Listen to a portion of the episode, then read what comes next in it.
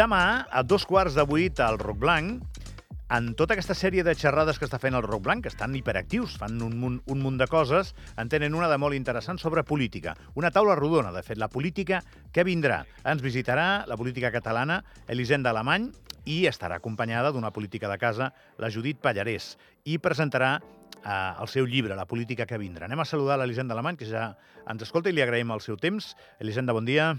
Hola, bon dia, què tal?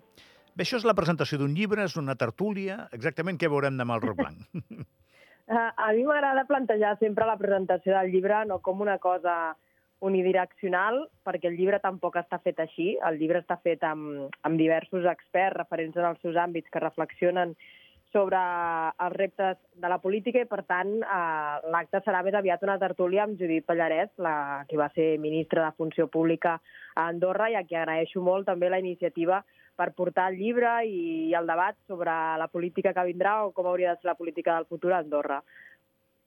I et faig la pregunta, uh, Elisenda, quina és la política que vindrà? a veure, el, el llibre pretén ser una invitació a imaginar com hauria de ser i amb els experts, especialistes que també hi participen, que són molt diversos, ens eh, intentem imaginar una política molt més adaptada als canvis i transformacions que hi ha hagut, eh, una política dins de la societat digital, però també una política eh, liderada per la generació millennial, i això vol dir nous llenguatges i nous canals, una política que també eh, té un protagonisme de les dones i, per tant, com això condiciona també la manera de fer la política, una política que està també en, en, en un període de, de, de resistència, però també de necessitat d'anar a l'ofensiva contra l'extrema dreta. Eh, I, per tant, doncs, ens imaginem una política molt més oberta, diguéssim, a, als canvis que hi ha hagut i a les noves demandes i preocupacions de, de la ciutadania d'avui. I a no fer-ho amb l'arrogància que de vegades tenim els polítics de dir-los a la gent què és, el, què és el que els ha de preocupar o interessar, sinó intentar comprendre i no descartar quines són les preocupacions d'avui de, de la ciutadania per, per servir-la millor. M'acabes de tocar un dels meus temes favorits.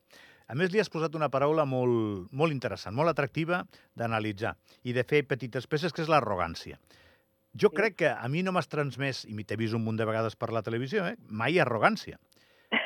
És veritat, crec que no està entre els teus propòsits vitals, ja no només professionals, però al mateix temps estàs en una lliga, jugues una lliga en la que si recules eh, et guanyen el terreny. Per tant, no sé si no sé si trobaríem un altre terme, eh? perquè arrogància és molt pejoratiu, però tampoc pots recular moltes vegades i has de plantar cara i has de mostrar molta contundència, fins i tot vehemència. Quan et poses en aquesta competició, que al final li hem de dir una mica així a la política, no sé si alguna vegada t'has vist per la tele i has dit ostres, Elisenda, aquesta no ets tu. T'ha passat o no?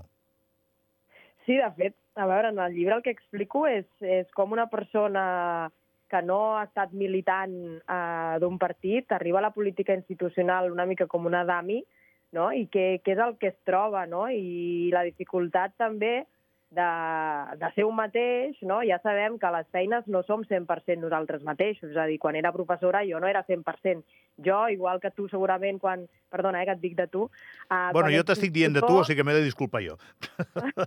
no, però quan ets locutor tampoc ets 100% la persona que està entre els seus amics fent unes cerveses, vull dir que tots tenim registres. Però, és clar la política és un món molt hostil, no? I en el llibre també reflexiono de, de com intentar trobar el teu vestit seguint sent la persona que, que tu creus que has de ser, i aquesta sí que és una de les coses no, que, que, que, que sí que em plantejo, no? de, la temptació de voler ser de vegades doncs, molt distant o molt llunyana per protegir-te, no?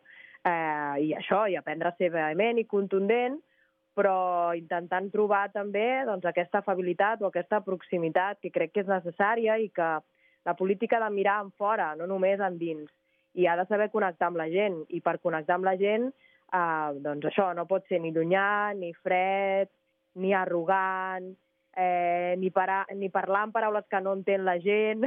I, per tant, és un esforç continu de dir, però a veure, jo per aquí treballo, per aquí, aquí estic parlant realment, no?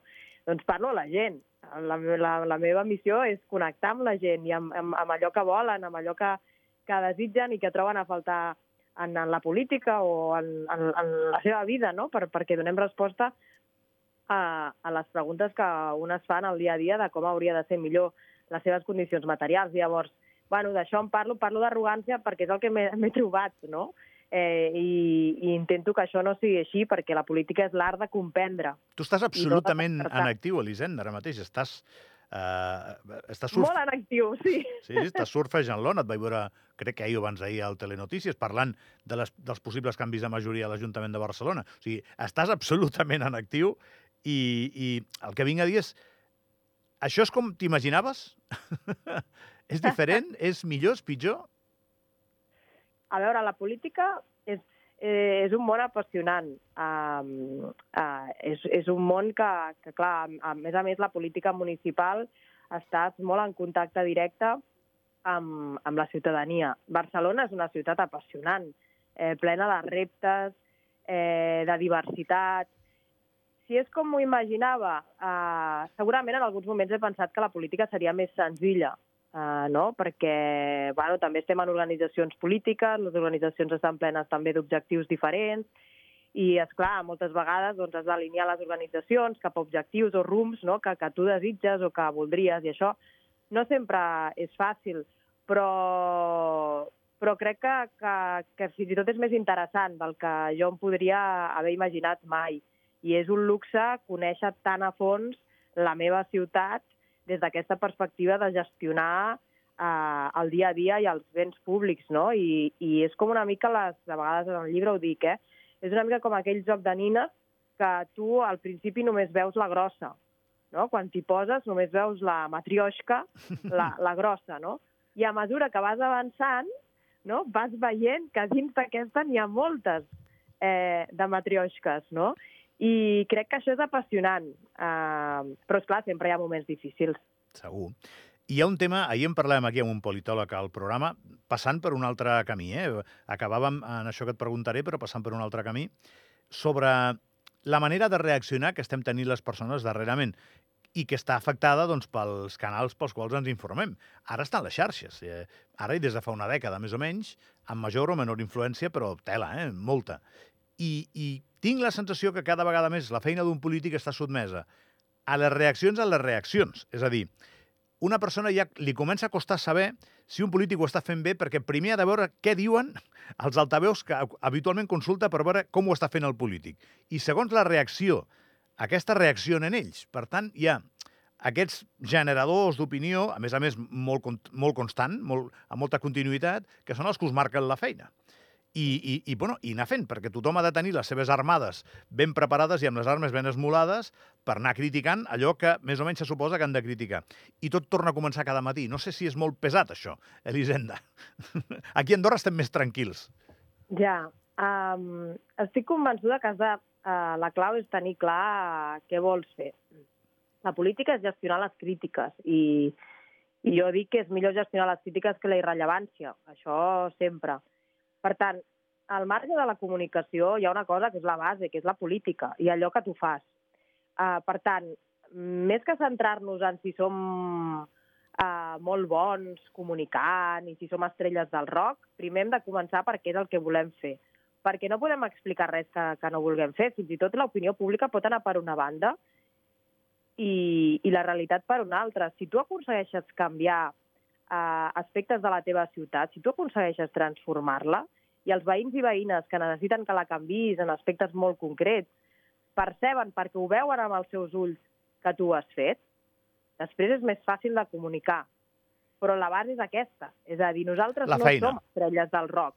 Nosaltres som polítics. Llavors, comencem primer per la política i després, evidentment, hi ha una capa que és molt necessària i que, i que en el llibre explico, que és que l'esquerra ha considerat durant molt de temps que la comunicació política era una cosa frívola i que adaptar el nostre llenguatge a diferents registres era trair els nostres principis i que voler ser modern i estar en els formats i canals i intentar traduir allò que fem uh, perquè arribi a tothom és una cosa que no s'havia de fer. I aquest jo crec que és el repte també de l'esquerra. Un, quan arribem ser valents i fer coses, independentment de les crítiques. I dos, ser impecables en la comunicació d'aquestes coses que fem i encara un triple salt mortal que és buscar prescriptors d'allò que fem, aliances en les nostres ciutats, en els mitjans de comunicació, perquè hi hagi una amplificació d'allò que fem, però no una amplificació d'allò que diem. Ja ho sé que a molta gent li funciona amplificar allò que diu, i però també venim a, explicar no, la política que volem que vingui. I la política que volem que vingui no volem que sigui només focs d'artifici, volem que sigui realitat. Per tant, comencem per, per la base, que és hem vingut a canviar coses o no hem vingut a canviar coses.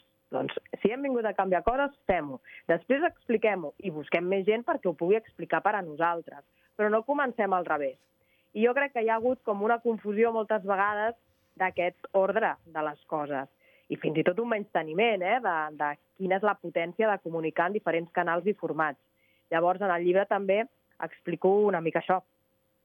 Demà a dos quarts de vuit a l'Hotel Roc Blanc, eh, taula rodona, la política que vindrà, presentació també del llibre de qui acaba de concedir-nos uns minuts del seu temps i té una agenda bastant eh, collada, que és l'Elisenda Alemany. Elisenda, moltíssimes gràcies i fins demà.